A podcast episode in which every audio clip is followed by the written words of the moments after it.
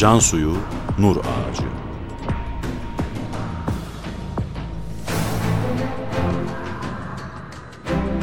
Metin Yusuf Ziya Özkan.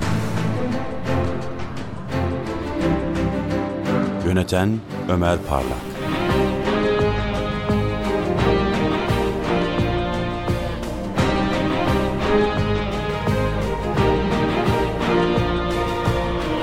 Altıncı Bölüm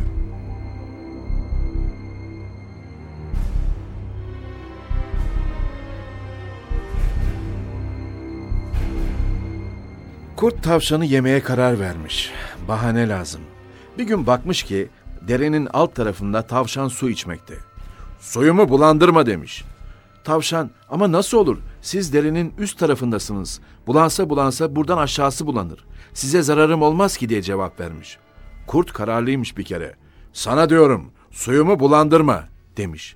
Tavşan kendini savunmaya kalkınca da bak hala konuşuyor deyip atlamış üzerine. Bilmem anlatabildim mi? Yalnız sen de dikkat et de bizim suyumuzu bulandırma. Sonra karışmam ha. Bakanlar Kurulu nurlar hakkında toplatma kararı verdi. Haberin var mı?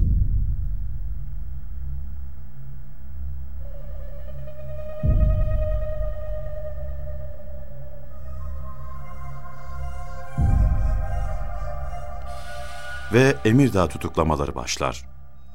10 kişi akşamleyin evlerinden alınır. Diğerleri iş yerlerinden toplanırlar. Sabah Bediüzzaman'ı da alarak Afyon'a hareket ederler. Afyon emniyetinde ifadeleri alınan zanlılar ağır ceza mahkemesine sevk edilirler. Emirdağ'da bir panik, bir korku fırtınası estirilir. Isparta, Denizli, Aydın, Afyon, Kastamonu, Balıkesir, Aydın ve İstanbul'dan 54 kişi Bediüzzaman'la ilgili görülerek tutuklanır. Bunlardan çoğu daha önceki mahkemelerde yargılanıp beraat eden insanlardır. İlk sorgu günleridir.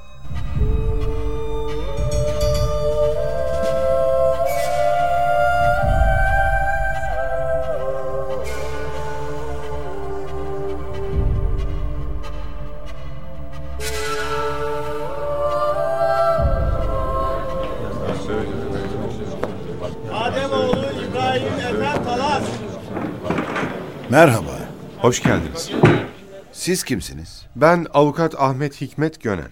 Oo, çok güzel isabet oldu. Benim vekaletimi sen de ruhte et. Pekala efendim. Tamam. Biliyorsun, benim hakkımda açtıkları dava yersizdir. Bu davayı açmakla bana haksızlık yaptılar. Ama biz muvaffak olacağız. Teşekkür ederim. Otele gel, görüşelim. İlk fırsatta yanınızda olacağım efendim.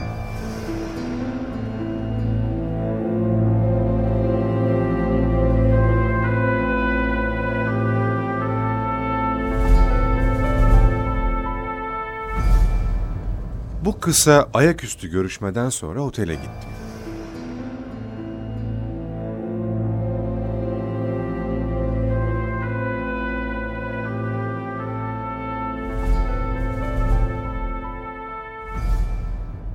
Oturun lütfen. Ben Allah rızası için çalışıyorum. Benim zikrim, fikrim Allah'tır.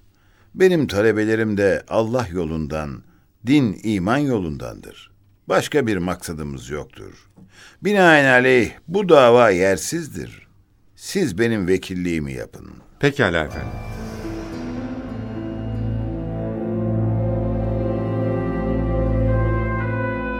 ...24 kişinin vekaletini aldık. Dava açıldı. 24 kişiyi içeri aldılar. Ve gün geldi mahkemeler başladı. Bana tehditler de başladı. Bir gün pek garip biri geldi odama.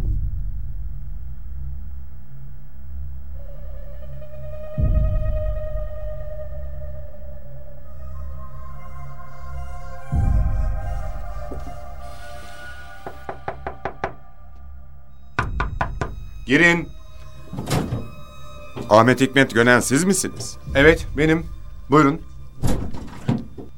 Bediüzzaman ve arkadaşlarının davası yakın galiba. Evet bir hafta sonra. Eğer benim yetkim olsa onu müdafaa eden avukatları keserdim. Neden ki? Onu müdafaa eden avukatları kesmeli. İyi de bu kin ve öfke neden? Davalar hukuk içinde görülmeli değil mi? Neden bu meselede bu kadar duruyorsunuz? Yoksa sen de mi mürtecisin? Ne mürteci? Ne demek şimdi bu? Bayramda görmedin mi? Arapça ezan serbest bırakıldı diye iyice azdılar. Nasıl tekbir getirmeydi o? Ramazan bayramında görmedin mi? Ortalık inliyordu tekbir sesiyle. Bunun irticayla ne alakası var? Sen bayram namazına gitmedin mi? Gittim. Görmedin mi? Nasıl işten tekbir alıyorlardı? Kendilerinden geçiyorlardı be. İşte bu irtica yoludur. Siz bunu irtica mı sayıyorsunuz? Senede iki defa bayram namazında söylenen tekbir bu kadar mı rahatsız ediyor sizi? Eğer bu irticaysa kusura bakmayın ama ben de mürteciyim. Şimdi sen beni tehdit mi ediyorsun? Yo yani mürtecileri müdafaa eden sanki... Bak kardeşim bak dinle. Ben avukatım. Hukuk adamıyım. Bir dava almışım. Bu benim vazifemdir. Elbette kanunlar çerçevesinde vazifemi yapacağım. Ya emri hak vaki olur müdafaya giremem ya da vazifemi tam yaparım. Gücünüz yeterse buyurun asın beni.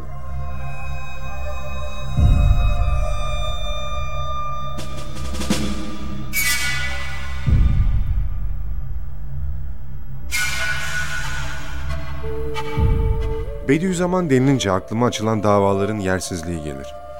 Ne kadar çektirmişlerdi. Sonunda bütün iddialar fos çıktı. Hiçbir gerekçe bulamadılar. Fakat plan yapılmış ve karar verilmiştir. Ne olursa olsun Bediüzzaman hapse atılacak.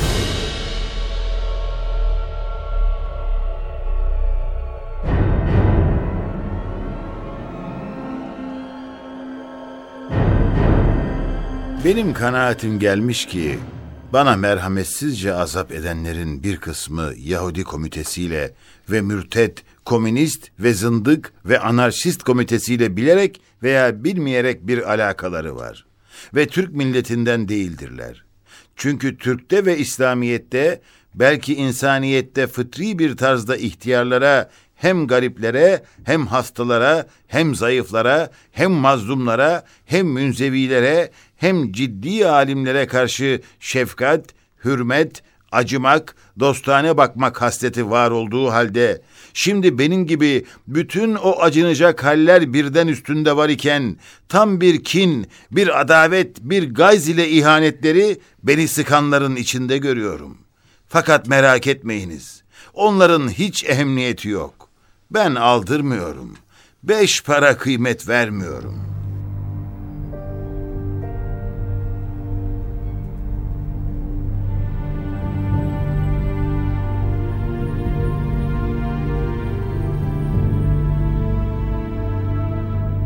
Tutuklular içinden biri vardır ki tam ibretliktir. Bütün suçu nedir biliyor musunuz?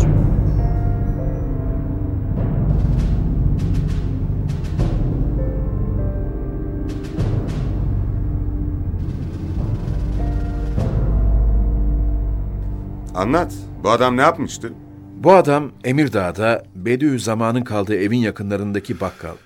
Bir gün sivil bir görevli arkadaşımız kahvaltılık malzeme almaya gider.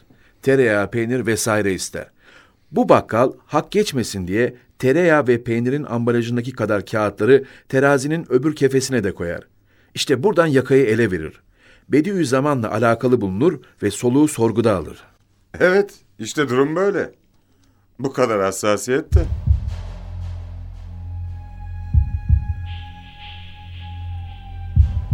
Buna benzer bir hassasiyet üzerine Bizans'ı fethetmeyi göze alan düşünceyle bu hassasiyeti tutuklama sebebi gören zihniyet acaba aynı milletin özelliği mi? İnsan tuhaf oluyor.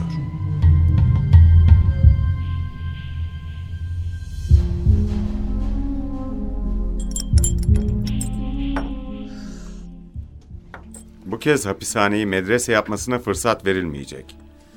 Bediüzzaman arkadaşlarıyla ve diğer mahkumlarla asla görüşmemeli. Asla.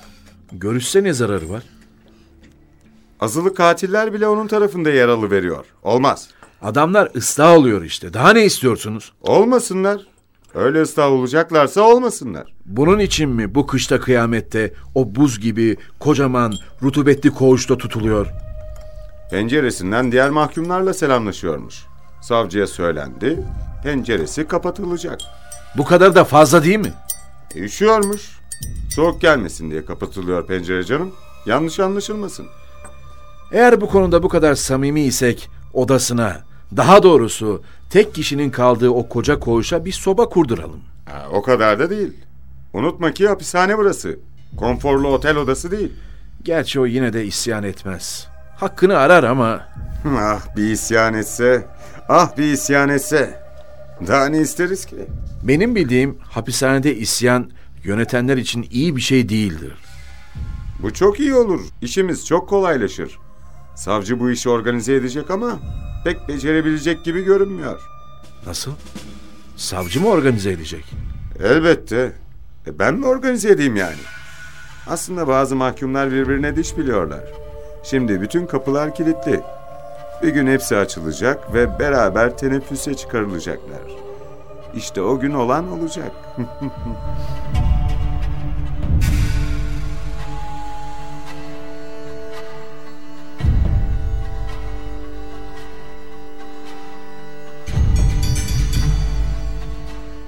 Üstadsa sürekli mektuplar yazıyor, mahkumları inşaat ediyordu.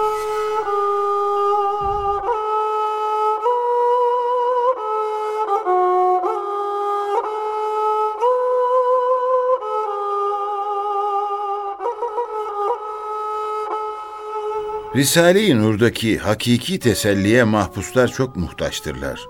Hususan gençlik darbesini yiyip taze ve şirin ömrünü hapiste geçirenlerin nurlara ekmek kadar ihtiyaçları var. Hepsinin mi?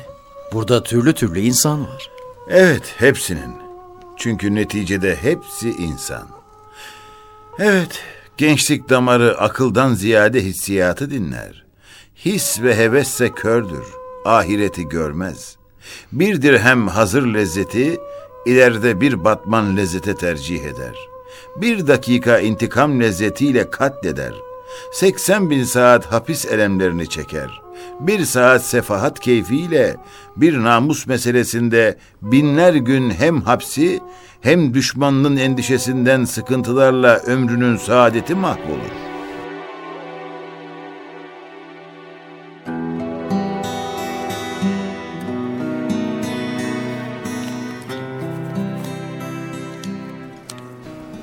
Nedir o? Kim yazmış onu? Mektup, bir mektup. Kimden geliyor? Üstadımızdan. Bediüzzaman Said Nursi Efendi'den geliyor. E devam et oku bakalım. Evet. Bir genç hapiste 24 saat her günkü ömründen tek bir saatini beş farz namaza sarf etse ve ekser günahlardan hapis mani olduğu gibi o musibete sebebiyet veren hatadan dahi tövbe edip sair zararlı, elemli günahlardan çekinse hem hayatına, hem istikbaline, hem vatanına, hem milletine, hem akrabasına büyük faydası olması gibi o 10-15 senelik fani gençlikle ebedi, parlak, baki bir gençliği kazanacağını, başta Kur'an-ı Mucizül Beyan, bütün kütüp ve suhufi semaviye kat'i haber verip müjde ediyor. Bu herkes için mi geçerli? Tövbe eden işlediği günahtan mutlaka kurtulur mu?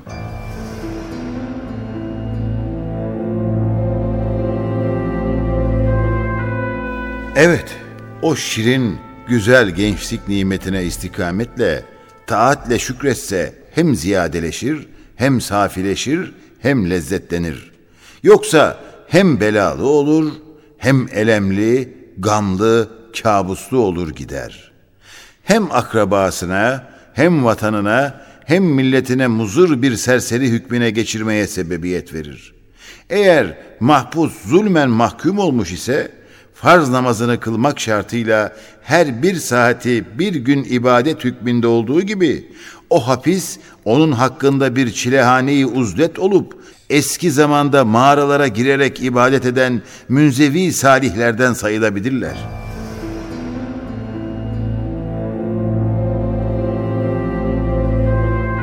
Ya gerçekten suçluysa? O konuda da şöyle deniyor. İman hakikatlerine müştak ise farz namazını yapmak ve tövbe etmek şartıyla her bir saatleri dahi 20'şer saat ibadet olup hapis ona bir istirahathane ve merhamet kerane ona bakan dostlar için bir muhabbethane, bir terbiyehane, bir dershane hükmüne geçer. Hapisten tam terbiye alır. Çıktığı zaman bir katil, bir müntakim olarak değil, belki tövbekar, tecrübeli, terbiyeli, millete menfaatli bir adam çıkar.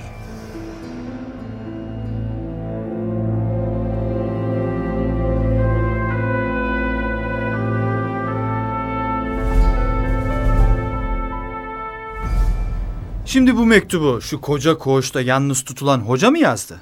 Evet. Hadi be. Vay anasını. Devam edeyim mi? Et et.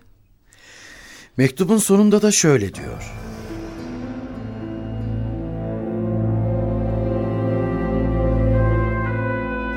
Ey hapis musibetine düşen biçareler! Madem dünyanız ağlıyor ve tatlı hayatınız acılaştı, çalışınız, ahiretiniz dahi ağlamasın ve baki hayatınız gülsün, tatlılaşsın. Hapisten istifade ediniz. Nasıl bazen ağır şartlar altında düşman karşısında bir saat nöbet, bir sene ibadet hükmüne geçebilir?'' Öyle de sizin ağır şartlar altında her bir saat ibadet zahmeti çok saatler olup o zahmetleri rahmetlere çevirir.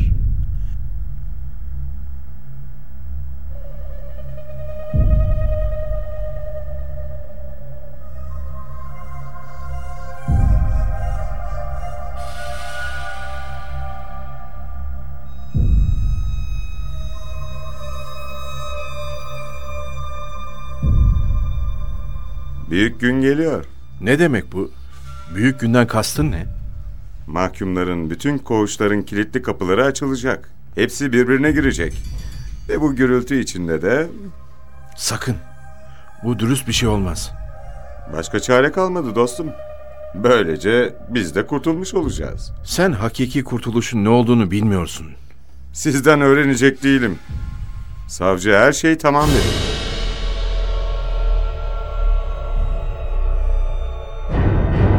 Bir gün bütün kilitli kapılar açılır. Birbirini öldürmeye azmetmiş insanlar bir araya bırakılır. Fakat hiçbir vukuat olmaz. Herkes kardeşçe birbirine sarılır. Gardiyanlar da hayret eder. Hapishanede barış şenliği yapılır. Neşe dışarılara taşar.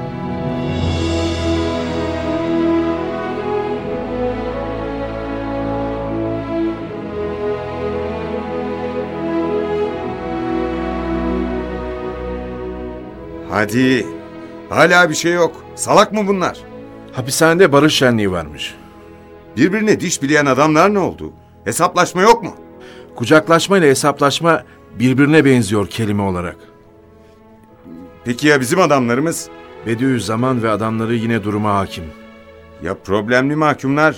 Bediüzzaman'ı dinle. Ben onu dinlemem.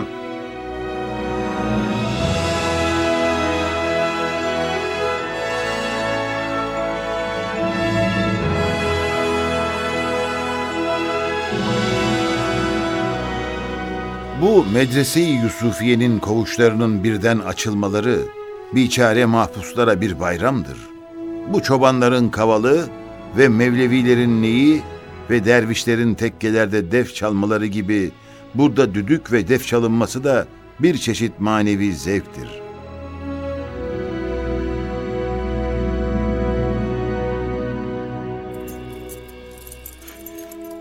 Ne olur hocam beni kurtarın bu halden. Hocam ne olur. Bu ayağındaki de ne? Zincir efendim. Ben idama mahkumum. Bu yüzden böyle zincirle bağladılar. Bak kardeşim, bu sana takılan şeyler senin idam mahkumiyetinin zincirleri değil, senin tesbihindir. Onunla namazının tesbihini çek. Söz ver, namazını kılmaya başla. Ben de sana dua edeceğim.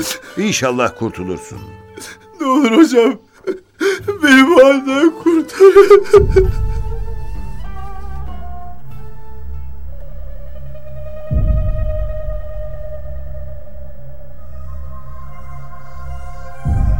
Kasap Tahir aslında bir ayakkabıcıdır.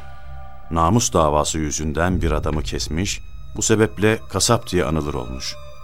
Bediüzzaman'a itimadı tamdır. Namaza başlar ve bir gün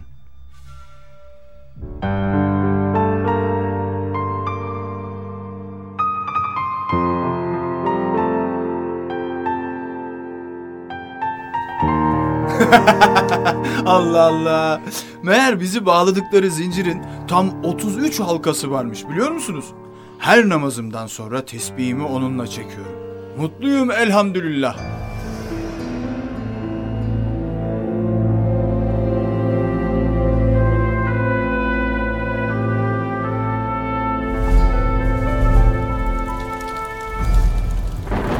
Kasap Tahir de şakirt olmuş. Duydun mu? Şaşmam. Bütün ümitlerin tükendiği yerde açılan kapı çok önemli. Hiç şaşmam. Adam öyle bir olmuş ki hapishanede rakipleri düşmanları vardı. Şimdi hepsi dost oldular ya. Can ciğer kuzu sarması oldular. Çobanlarla Ahmet işe yaramadı mı yani? Sen nereden biliyorsun onu? Çobanlarla Ahmet güya kasap Tahir'i öldürecekti. Kendini buna tam hazırlamıştı sözde. Yeterince tahrik edilmişti. Ortalık karışınca da Bediüzzaman'ın işi bitirilecekti değil mi? Yok canım nereden çıkarıyorsun bunları? İnsanlar plan yapar. Allah da plan yapar. Plan yapanların en hayırlısı hiç şüphesiz Allah'tır. Çobanlarla Ahmet de Bediüzzaman'ın El Hüccetül Zehra derslerini dinlemiş. Mum olmuş işte. Ne diyeyim? Yine galip olan o. 46. bölümün sonu. Yarın aynı saatte tekrar görüşmek üzere. Burç Prodüksiyon